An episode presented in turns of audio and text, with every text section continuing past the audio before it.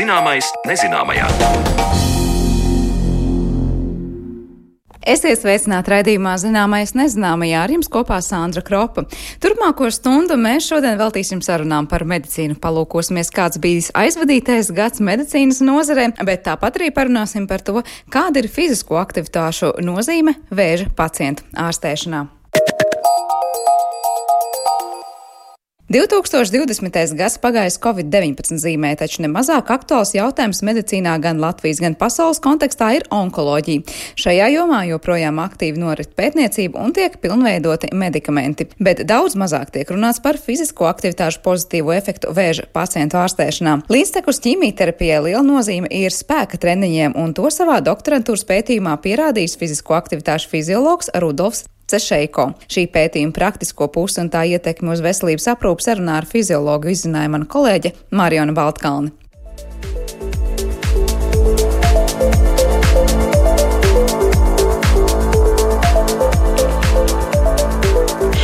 Fiziskās aktivitātes onkoloģijā ir salīdzinoši jauns pētniecības virziens. Tikai pēdējos 10 līdz 20 gadus pētnieki un ārsti ir uzdrīkstējušies šim jautājumam pietuvoties un izmantot dažāda veida fizisko aktivitāšu metodes pēc ārstēšanas procesa. Situācija pašlaik mainās, un Latvijas mērogā priekšstatu par to arī onkologu vidū noteikti ir mainījis fizisko aktivitāšu fiziologs, ergoterapeits, doktora grāda kandidāts un docētājs Rīgas Stradiņa Universitātē Rudolfs Cešeiko. Kāpēc līdz šim fiziskās aktivitātes nav rekomendētas vēža pacientiem un kādi stereotipi valdījuši? Par to stāsta Rudolfs Cešeiko. Pats ārstēšanās process un pati diagnoze ir nu, sarežģīts posms gan cilvēkiem, gan arī ārstējošiem ārstiem, ne tikai fiziski, bet arī mentāli. Tās fiziskās aktivitātes īpaši vēl nebija tāds populārs pasākumu kopums, ko bieži vien um, uzskatīja par tādu tā saistību ar sportu. Varbūt mazāk iedziļinājās, ko tad var dot tieši no veselības viedokļa, tādas efektīvas un mērķiecīgas fiziskās aktivitātes. Un vēl to, ka ārstēšanās process tomēr uh, lielākajai daļai, apmēram 90% pacientu, ir izteikts nogurums un fiziskās aktivitātes un nogurums īsti neiet kopā. Nākamais punkts, ko ir svarīgi pieminēt, Iespējams, ka ir arī valdījis uzskats, eh, to, ka fizisko aktivitāšu laikā, protams, pātrinās eh, asins cirkulācija, asins plūsma, arī ķermeņa temperatūra paaugstinās, kas ir pilnīgi normāli. Un tas kaut kādā mērā varētu šīs vēža šūnas eh, izriņķot par ķermeni, un tādā veidā tas varbūt varētu pat stimulēt audzēju augšanu, kas, protams, tā īsti nav. Neskatoties uz to, ka cilvēkam ir nogurums ārstēšanās laikā, ka tieši ar fizisko aktivitāšu palīdzību, ar gudru un efektīvu šo nogurumu var būtiski samazināt. Un to, ka cilvēkam šis ārstēšanās process vai arī atkopšanās pēc ārstēšanās procesa jau ir nu, daudz, daudz vieglāk. Rudolfa personīgā sastapšanās ar diagnozi vēzis pirms aptuveni desmit gadiem bijis viens no impulsiem, lai priekšstatu par fiziskajām aktivitātēm onkoloģijā mainītu. Ķīmijterapijas laikā un pēc tās Rudolfs turpinājis sportot, novērojot, ka pēc mīšanās ar velosipēdu sporta zālē pašsajūta krietni uzlabojusies. Tādējādi ārstēšanās un vienlaikus sava organisma pētīšana fizisko aktivitāšu laikā aizvedusi pie zinātniskas pētniecības. Tālāk medicīnas studijas Latvijā un Norvēģijā. Tur maģistra studiju laikā radusies iespēja pievienoties nacionāla mēroga pētījumam par to, kā fizioterapeitu izstrādātas metodes ietekmē ārstēšanās procesu krūts vēža pacientiem. Tiesa, arī Norvēģijā fiziskās aktivitātes tieši onkoloģijā ir jauns virziens, kā rezultātā pirmā pētījuma fāze nesniedza pašus augstākos rezultātus. Programma, kas tika izstrādāta Norvēģijas fizioterapeitu, fizioterapeitu kolektīvā. Viņa uz papīra izskatījās ļoti laba, bet otrs faktors ir viņu realizēt. Tiešām, ja cilvēks atnāk uz to nodarbību, ir, teiksim, tā ir labi izkustēties, bet vai tiešām tāda izkustēšanās ir pietiekoša stimulācija, lai būtiski varētu ietekmēt šo fizioloģiju. Un, kā izrādījās, ka ne gluži treniņu grupa un dāmas, kuras bija kontrolas grupā, nu, diezgan līdzīgi fiziskās spējas pazeminājumi. No fiziskajām spējām es domāju gan muskuļu spēku, gan arī šīs aerobās spējas, kas tiek mērītas kā skābekļa patēriņš. Un tas mums ļāva izdarīt secinājumus, kāpēc, analizēt šo programmu, un tad plānot un veidot jaunu programmu kur tad uh, bija mērķis un doma realizēt uh, doktorantūras ietvaros, jau atgriežoties atpakaļ uh, Latvijā kas piedalījās šajā pētījumā un kas šiem pētījumā iesaistītiem gal galā bija jādara. Latvijas onkoloģijas centrā, krūtis ķirurģijas nodaļā, jaunais pētījums ar jaunu šo fizisko aktivitāšu programmu arī tika realizēts. Un, uh, iesaistījām mēs krūtis vēža pacientus. Kopā tas skaits ir 55, kas tādiem Latvijas mērogiem uh, ir tīri pieklājīgs skaits. Pētījums kopumā viss ilga nu, pacientu testēšana, trenēšana veselu gadu. Bet konkrēti treniņu programma vienam cilvēkam ilga trīs mēnešus, tad divas reizes nedēļā. Vajadzēja nākt uz nodarbībām. Un, un divi būtiskākie punkti bija tādi, ka uh, treniņi notika ārstēšanās laikā. Lielākoties 90% pētījumu tiek veikti pēc ārstēšanās procesa uh, noslēgšanas. Mēs uzsākām šos treniņu procesus. Uh, mēnesi pēc operācijas. Respektīvi, tūlīt sākās arī ķīmijterapija, un sievietes sāk arī šos spēka treniņus. Un otrs būtiskākais efekts mēs izmantojām arī augstu šo intensitāti. Un mēs pārsvarā koncentrējāmies tikai uz maksimālo muskuļu spēku. Un ar augstu intensitāti es domāju, to, ka uh, treniņu procesā mēs izmantojām svaru 85, nedaudz virs 90% no cilvēka maksimālajām spējām. Tas nozīmē, ka jums bija jāmeklē vingrinājumi, kuru var šādu 85, 90% slodzi realizēt. Ja? Jā, tieši tā. Un skaidrs, ka um, vingrinājumi ar savu ķermeņa svaru bieži vien nenodrošina šāda veida intensitāti. Un mūsu pētījumā piedalījās sievietes diezgan plašā vecuma grupā, darbspējas vecumā, salīdzinoši gados arī jaunas arī senioru vecumā, un, un līdz ar to mums šis dažādība bija diezgan liela. Kā to var nodrošināt? Nu, Visefektīvākais un līdz ar to arī tāds drošākais variants ir stacionārie trenižieri. Mūsu gadījumā tas bija trenižieris spiešanai ar kājām, kur tad cilvēki pēc zināmā protokola arī cēla noteiktu kilogramu skaitu vienu reizi. Teiksim, sākam ar 90 kg, cilvēks paceļ, tad mēs uzliekam 95, cilvēks paceļ, uzliekam 103 kg, jūtam cilvēkam jau ir grūtāk. Ļaujam atpūsties, uzliekam 107, nu, un cilvēki knapi, knapi viņu paceļ. Un tad šo pēdējo pacelto svaru mēs uzskatām par uh, maksimālo muskuļu spēku, ko var vienkārši izmērīt kilogramos.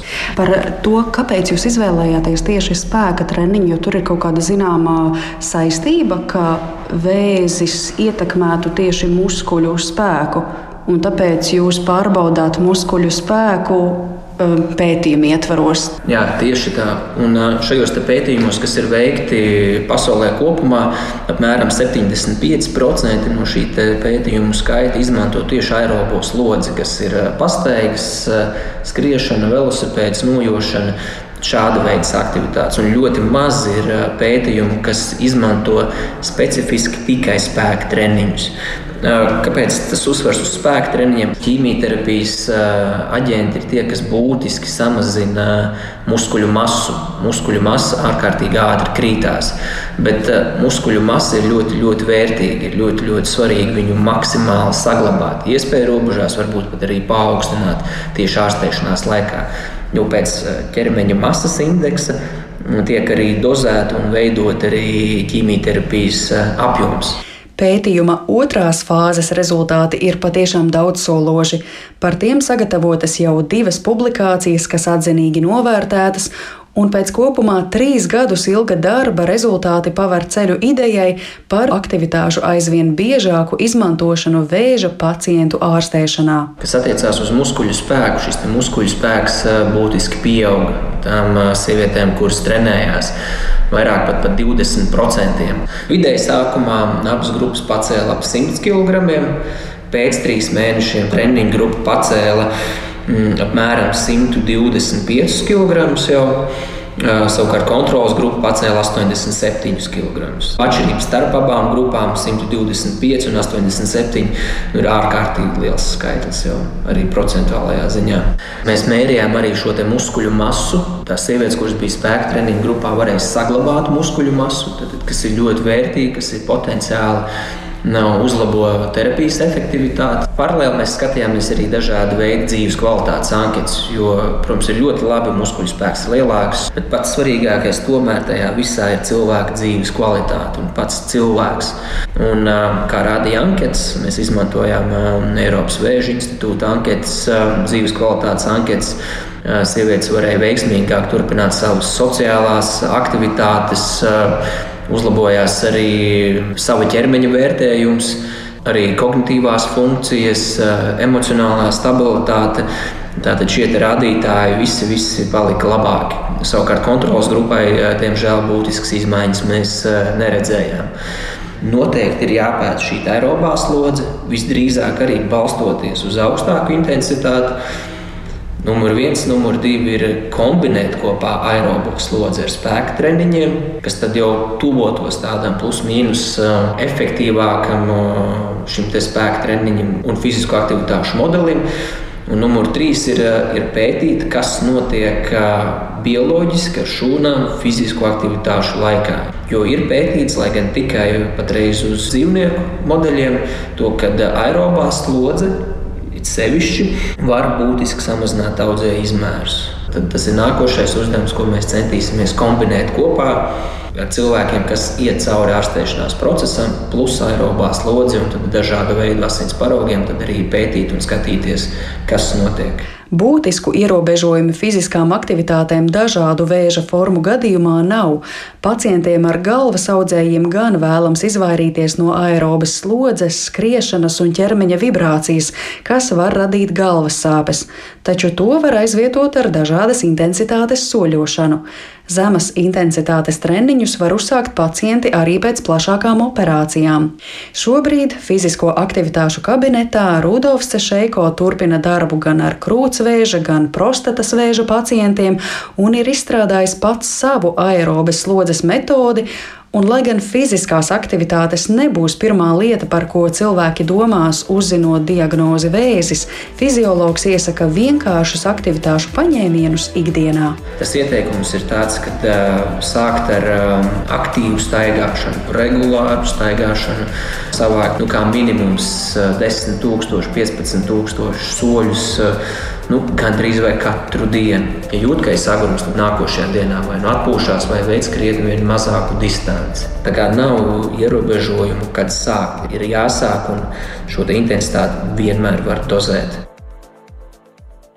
Fizisko aktivitāšu labvēlīgo ietekmu uz vēža pacientu veselības stāvokli skaidroja fizisko aktivitāšu fiziologs, ergoterapeits, doktora grāda kandidāts un docētais Rīgas Tradiņu universitātē Rudolfs Cešēko, ar kuru sarunājās mana kolēģa Mariona Baltkalne. Bet raidījuma turpinājumā mēs palūkosimies uz to, kāds bijis aizvadītais gads medicīnā. Música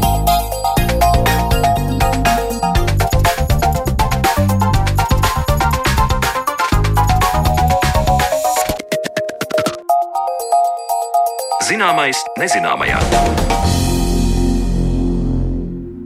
Lai nu kura zinātnes joma, taču medicīna šogad tiešām ir bijusi tā, kurā izaicinājumi nav trūcis. Covid-19 šķiet būtiski ir mainījis zinātnieku arī izaicinājumus šajā jomā. Vakcīnu un zāļu meklējumi, vīrusu pētniecība un slimības ārstēšana, kas tik šogad nav bijis, bet vai ir bijis arī kas cits bez Covid-19 medicīnā svarīgs tieši šajā gadā? Par to mēs šodien parunāsim ar mūsu attālinātās studijas viesiem. Rīgas Tradiņu universitātes profesors, iekšķīgo slimību katedras vadītājs vadītājs un arī Rīgas Austrum Kliniskās Universitātes slimnīcas galvenais speciālists Evers Lēnieks ar mums šeit ir attālinātajā studijā, kā arī Pauls Stradiņa Kliniskās Universitātes slimnīcas asinsvadu ķirurgs Latvijas Universitātes eh, profesors Dainis Krieviņš. Un eh, teikšu arī abi esat Latvijas Zinātņu akadēmijas locekļi, tad pārstāvjat arī šo iestādi. Labdien jums abiem! Labdien! Labdien. Nu, man liekas, grūti iedomāties, runājot ar kādu, kas ar medicīnu ir ļoti cieši saistīts, un jautāt, nu, kāds tad šis gads ir bijis medicīnā, un, un vai tiešām mēs varam arī nerunāt par Covid-19. Nu, tomēr jautājums jums abiem, ja jums būtu jāsaka 20. gads medicīnā, ar ko jūsuprāt iegājis vēsturē, vai kāds kopumā ir bijis, kā jūs to raksturot? Es no sākuma gribētu, es, zinot, zinot, ka man šodien šāda saruna būs, taisnu iekšēji pie sevis pārdomāju un domāju, ka es nerunāšu par Covid-19, kaut gan saprotu, ka šis ir tāds Covid-19 gads, bet es savā pārdomās par to, kas ir noticis, centos izvairīties saistībā ar Covid. Kaut gan no vīrusiem izvairīties galīgi es nevaru. Un, uh, es esmu vairāk pārdomājis par tādām terapeitiskām lietām, kas vairāk saistītas ar medikamentiem, medikamentu ietekmi uz konkrētām slimībām, kas būtiski atrisina daudzu cilvēku dzīvību. Bet, protams, ka tas saistīts arī ar šo tehnoloģijām kā tādām, kas visu laiku attīstās paralēli tā saucamais lielie datu ezeri vai big data, ja cilmešu un transplantācija biobankas, 3D, bet no tā izriet viss tas nākošais, kas ir saistīts ar terapiju. Un uh, viens no tādiem ļoti nozīmīgiem momentiem tomēr ir um, gēnu terapijas metodikas jau ieviešana dzīvē, tā saucamām hemoglobinopātiju ārstēšanām. Tās biežākās ir talasēmijas vai silpēčūna anēmija. Protams, tas Latvijā varbūt nav tik aktuāli, bet pasaulē Tā ir aktuāla lieta. Tas ir katru gadu vairāk kā 330 tūkstoši bērniņi eh, saslimst. Faktiski līdz šim laikam eh, viņu vienīgā ārstēšanas metode bija asins pārliešana vai arī eh, cilmešu un transplantācija. Bet šobrīd ar šo gēnu inženierijas metodi ir iespējams nu, saka, izārstēt šos bērniņus un ļaut viņiem dzīvot. Nākošais fantastisks solis, manuprāt, ir arī šī multiplā skleroze, kas eh, ir arī ļoti aktuāla, mm, salīdzinoši aktuāla Latvijā, ka ir parādījies jauns medikaments nu, pie noteiktām multiplās sklerozes formām, eh, kuras neļauj eh, šiem mielīna apvalkiem, nervu apvalkiem sabrukt un līdz ar to aizkavē multiplās sklerozes attīstību un ļauj šiem cilvēkiem Eh, kuriem ir šī forma, nu, adekvāti dzīv, dzīvot. Arī tas šogad ir eh, pieņemts, eh, kā saka, iekļauts oficiālajā medikamentu sarakstā. Vēl kas ir ļoti svarīgi un aktuāli arī Latvijai, varētu būt tāda retā slimība, cistiskā fibroze. Līdz šim tiešām tā bija tāda bezcerīga slimība pasaulē, Tā skaitās pie retām slimībām, bet Latvijā ir tādi 56 slimnieki cistisko fibrozi, un viņiem īsti palīdzēt līdz šim nevarēja tikai tā simptomātiska ārstēšana, bet šobrīd ir, parādī, šobrīd ir apstiprināts medikaments, kurš neļauj veidoties šim nepareizam obaltumam, un līdz ar to ļaus saglabāties plaušaudiem un neveidoties šiem plaušu bojājumiem. Un, manuprāt, atkal tas ir milzīgs sasniegums. Nākošais moments, es jau teicu, ka es bez vīrusiem arī nevaru, bet šajā gadījumā turpinot Nobel prēmiju, ko šogad saņēma um, divi, uh, ne, trīs, trīs uh, uh, speciāli virusologi par hepatītu C. Tas šobrīd atkal ir apstiprināts jau medikamentu grupa, uh, kura 90% gadījumā izārstē, izārstē hepatītu C. Un Latvijai tas ir ļoti aktuāli. Latvijā šobrīd no, apmēram nav tik precīzi uzskaita, kaut kur ap 40 tūkstošiem tomēr hepatīta C slimnieku, un tas dod viņiem iespēju, kā saka, saglabāt savus aknas, ne, neļaut attīstīties aknu cirozei un arī neļaut attīstīties vēzim. Vēl kas ir unikāls un ļoti, man liekas, svarīgi onkoloģijā, prostatas vēža ārstēšanā.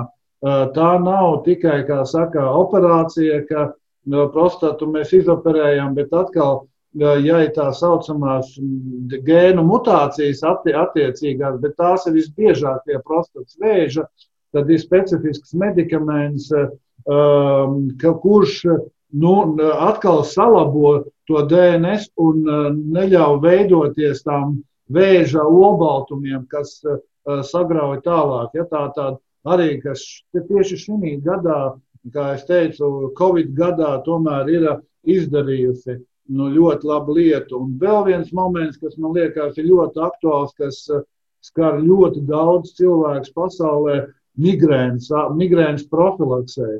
Līdz šim mums nebija medikamenta migrēnas profilaksē, bija medikaments ārstēšanai, krīzes novēršanai, bet atkal pateicoties zinātnē šīm monoklonālām antivielām, kas tiek veidots jauniem preparātiem, šobrīd ir arī apstiprināts medikaments, ar kuru var nu, profilaktiski novērst šo migrēnu. Un tas, manuprāt, arī tie man, man liekas tādi no, no mana no terapeita viedokļa visaktuālākie notikumi medicīnā, bet, protams, ka tie nav vienīgie.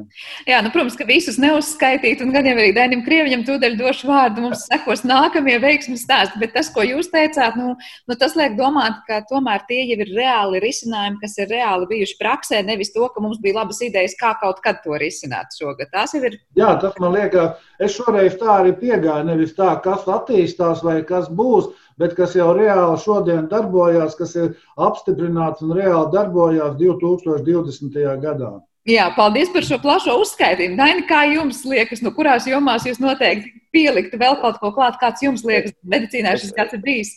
Es noteikti piekrītu profesoram Lieniekam, jau, ka tas uzskaitījums ir diezgan liels un neskatoties uz to Covid ēru un tā dīvainībām un to dīvaino situāciju, kādā mēs patreiz esam, jāsaka, ka medicīniskā pētniecība neapstājās. Tas ir kā tāds smags var vilciens, neskatoties uz pārmaiņām, uz Covid, uz citām nedēļām, joprojām tas viss notiekās. Un līdz ar to 2020. gads bijis veiksmīgs un mazāk ietekmēts. Droši vien nākošais gads būs vairāk ietekmēts sakarā ar Covid kā šis gads.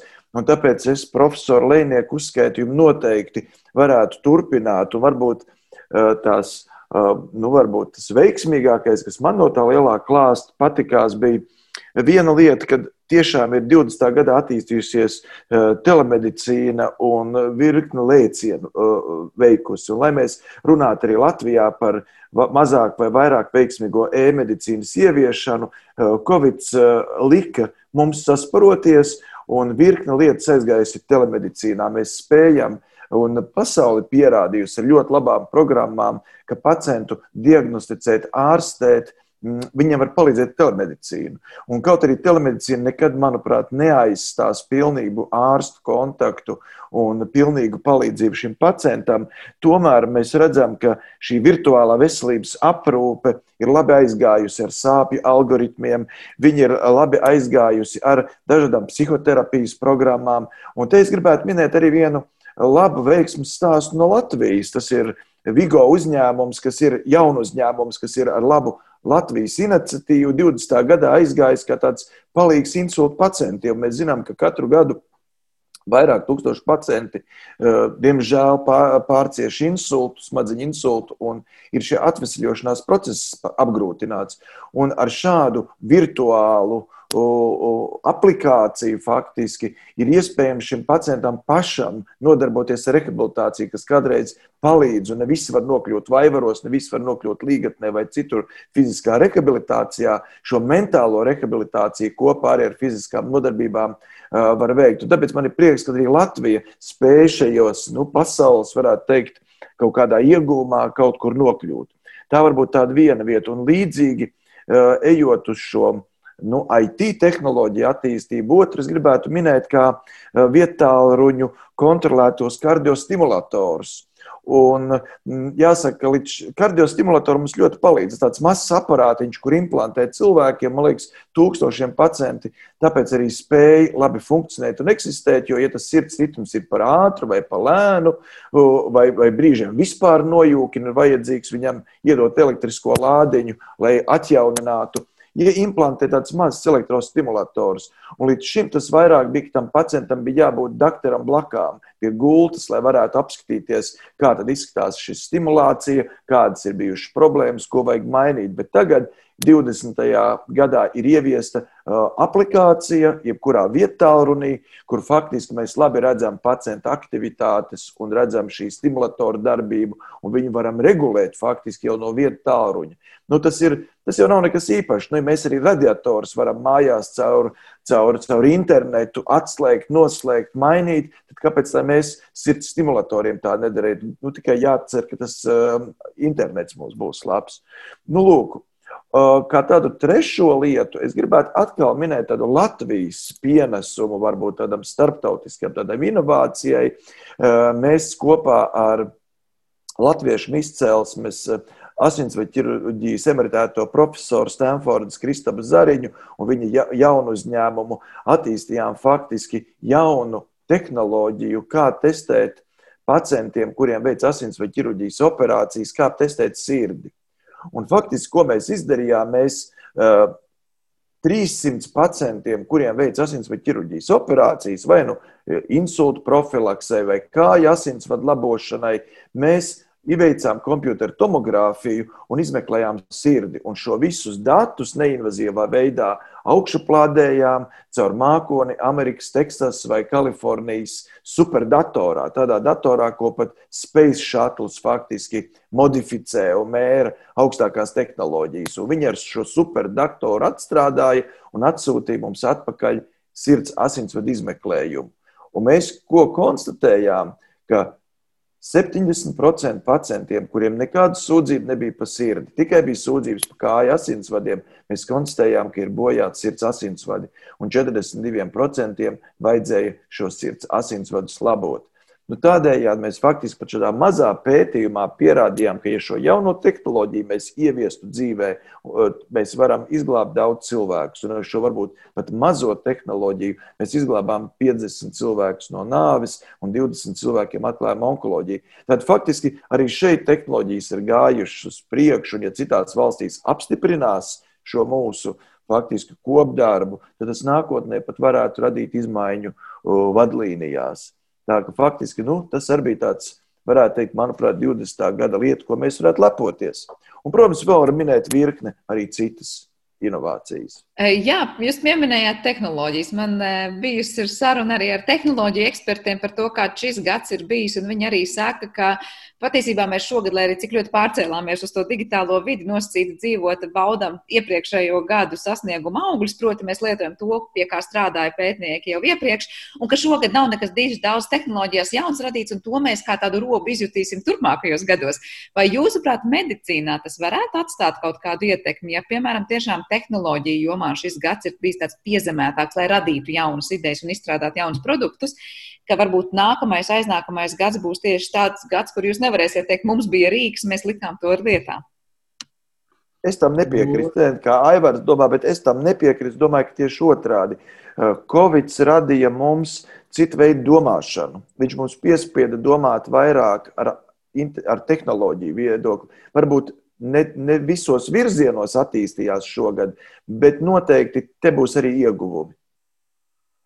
Es arī piekrītu Dainim un uh, taisni uzskatu, ka tas Covid nostrādāja kā tāds katalizators.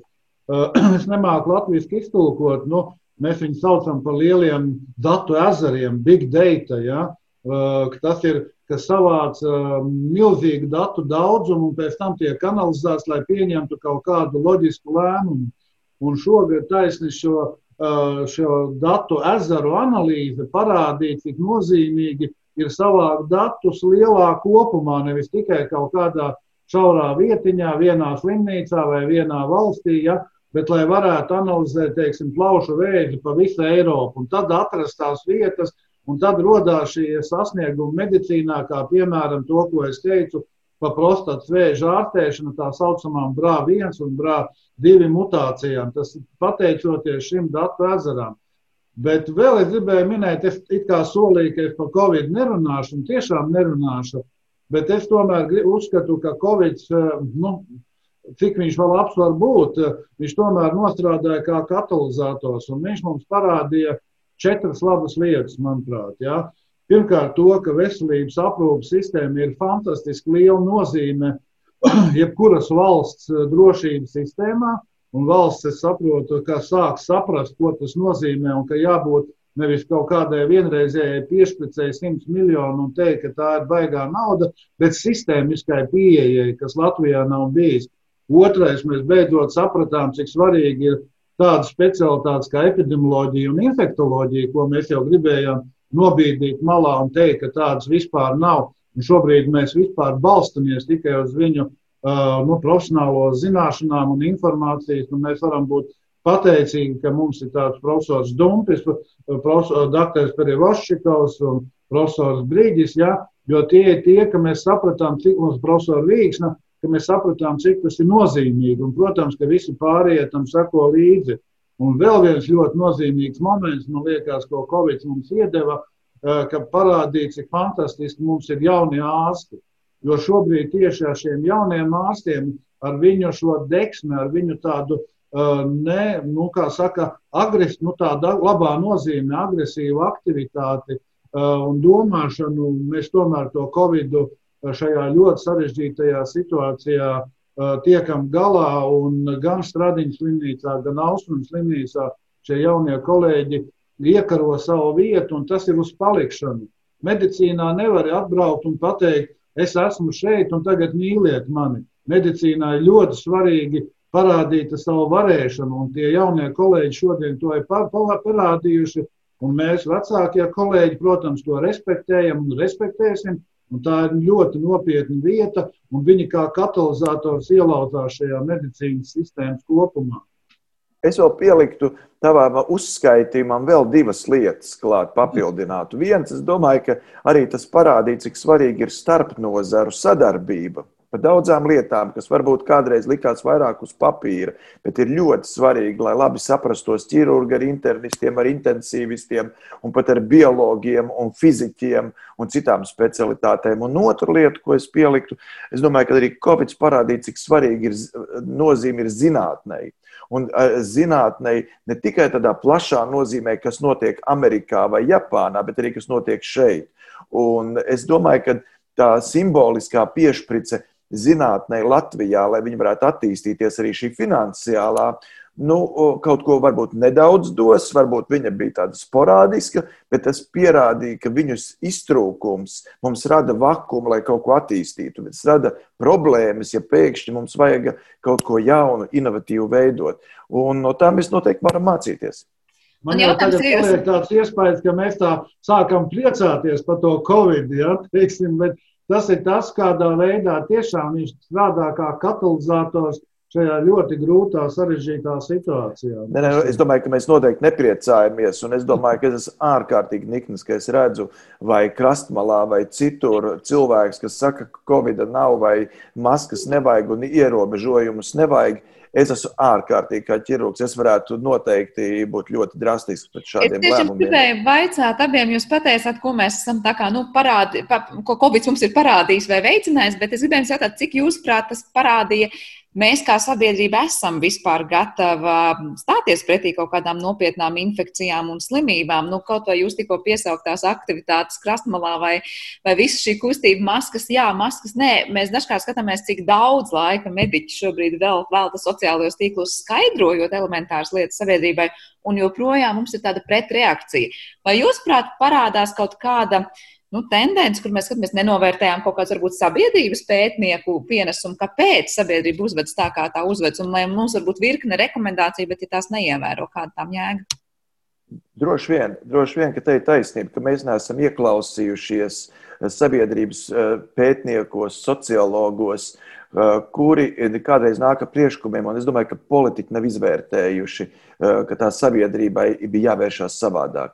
Jo vienmēr būs sabiedrībā populisti, vienmēr sabiedrībā būs varbūt cilvēki, kas nu, zina tik, cik viņi zina. Viņi sēž laukos, mežā, un viņam burkāns ir salds. Bet, viņiem nevar neko pārmest. Bet, acīm redzot, nebija piestrādāts pie tā, un joprojām maz tiek strādāts, lai sabiedrību pareizi informētu. Un uh, nevar arī pārmest sabiedrību tomēr. Uh, ir attīstījusies tik, cik viņiem ir zināšanas. Un tāpēc, ja tās zināšanas nav pietiekošas, tad populistiem rokas ir vaļā. Bet jūs prāt, tas parāda, ka ja nāks nedodies sliktāka un lielāka un nopietnāka vēl infekcija tuvākajā nākotnē, mēs kā sabiedrība, es domāju, ne tikai Latvijā, bet plašākā mērogā, būsim spējīgi atkal ātri, efektīvi rīkoties, vai mums iezīmēs kaut kāda klupšanas akmeņa, kas noteikti jānovērš? Man liekas, ka vienmēr ļoti svarīgi saprast, cik daudz ir šī ātrā rīkošanās un cik daudz šis politiskais spiediens. Un es kā ārsts, kas jau nu, diezgan ilgi esmu strādājis par ārstu, uzskatu, ka vissarežģītākais man pašam savā uh, dzīvē ir tas, saprast un apzināties to, ko es nezinu, un paprasīt tam, kurš to zina labāk par manīm. Un uh, bieži vien, ja mēs to, ko nezinām, mēs pieņemam neadekvātas rīcības vai neadekvātas uh, nu, darbības. Un tāpēc arī teica, Dievs piedod viņam grēkus, jo viņš jau nesaprot to, ko viņš dara. Un visli, visnepareizākais ir pārmest kaut ko sabiedrībai, bet tas ir politiķiem, tas ir jāskaidro. Es uzskatu, ka mēs kā mediķi, kā ārsti, mēs esam izdarījuši un darām milzīgi lielu daudz. Un, un tas ārstu entuziasms, mediķu entuziasms, kas tiek darīts un veikts, nu, viņš ir fantastisks. Bet, uh, nekādā gadījumā mēs nedrīkstam sabiedrībai pārmest. Ja? Tāpēc, ka viņi varbūt nezina to, kā mēs to sajūtam un zinām. Ja?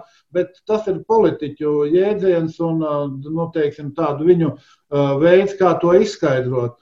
Es domāju, ka medicīna šobrīd strādā ļoti kvalitatīvi, savu iespēju robežās. Jā, Daina, jums laikam bija kas piebilstams pie tikko dzirdētā. Es tikai varu piekrist uh, Aivar teiktajam par to, un es ļoti ceru, ka tā sapratne starp mediķiem un pārējo sabiedrības daļu būs labāka, izkoptāka un izprotošāka.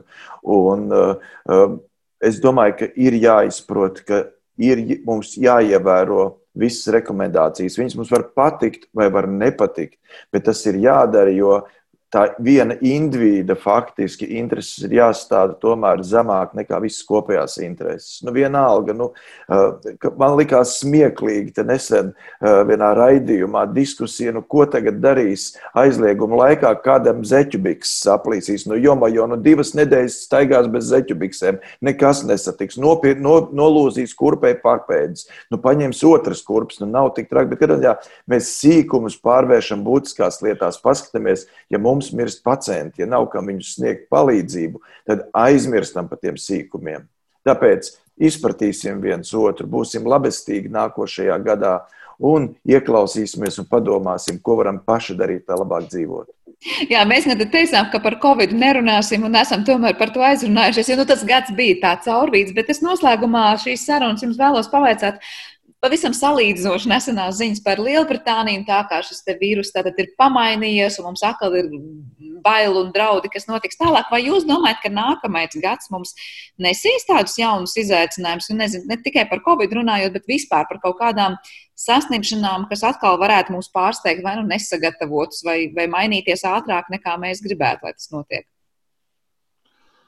Nu, būtībā katrs gads jau kaut, ko, kaut kā nes kaut kādus pārsteigumus. Ja, un, uh, Un šī gadījumā, nu, ja mēs runājam tīri par covid, nu, tā, tā ir, tas ir vīrus, kurš ar vienu RNS ķēdi, nu, visu laiku mutē, viņš būs tāds vai tāds. Un, un, protams, ka mēs to noprognozēt līdz galam nekad nevarēsim. Ja?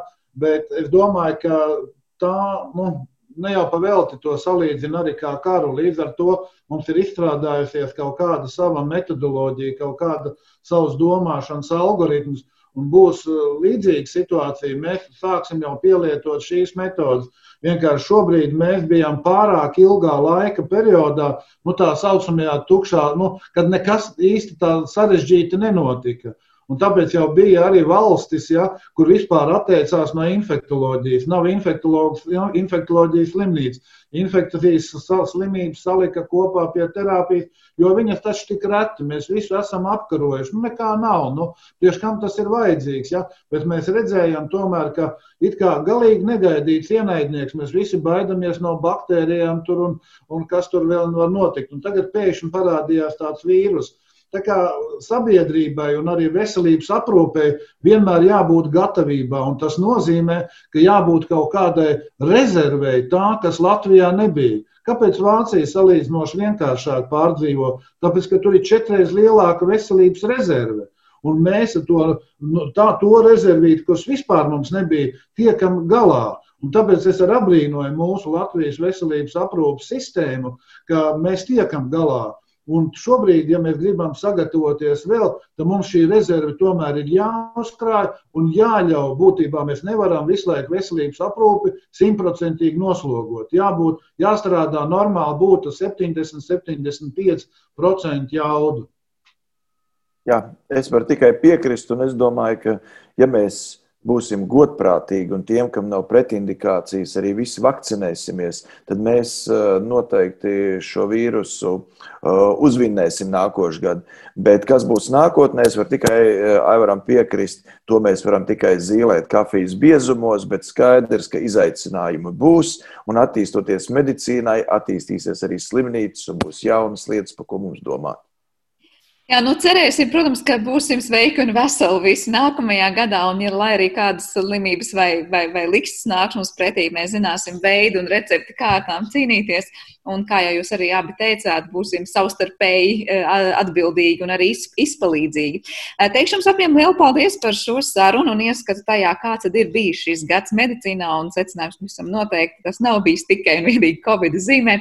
Rīgas Stradiņa universitātes profesoru un iekšķīgo slimību katedras vadītāju, kā arī Rīgas Austrumu Kliniskās universitātes slimnīcas galveno speciālistu Evaru Leinieku mēs šajā pusstundā dzirdējām kopā ar Paulstradiņa Kliniskās universitātes slimnīcas asinsvadu ķirurgu un Latvijas universitātes profesoru Daini Krieviņu. Ar to arī raidījums ir izskanējis. Teikšu paldies arī producentēs Armītei Kolātei un mūzikas redaktoram Girtam Bišam. Un piebildīšu, ka visus zināmais nezināmajās stāstus varat dzirdēt arī populārākajās podkāstu vietnēs. Lai jums jauka diena un uz tikšanos!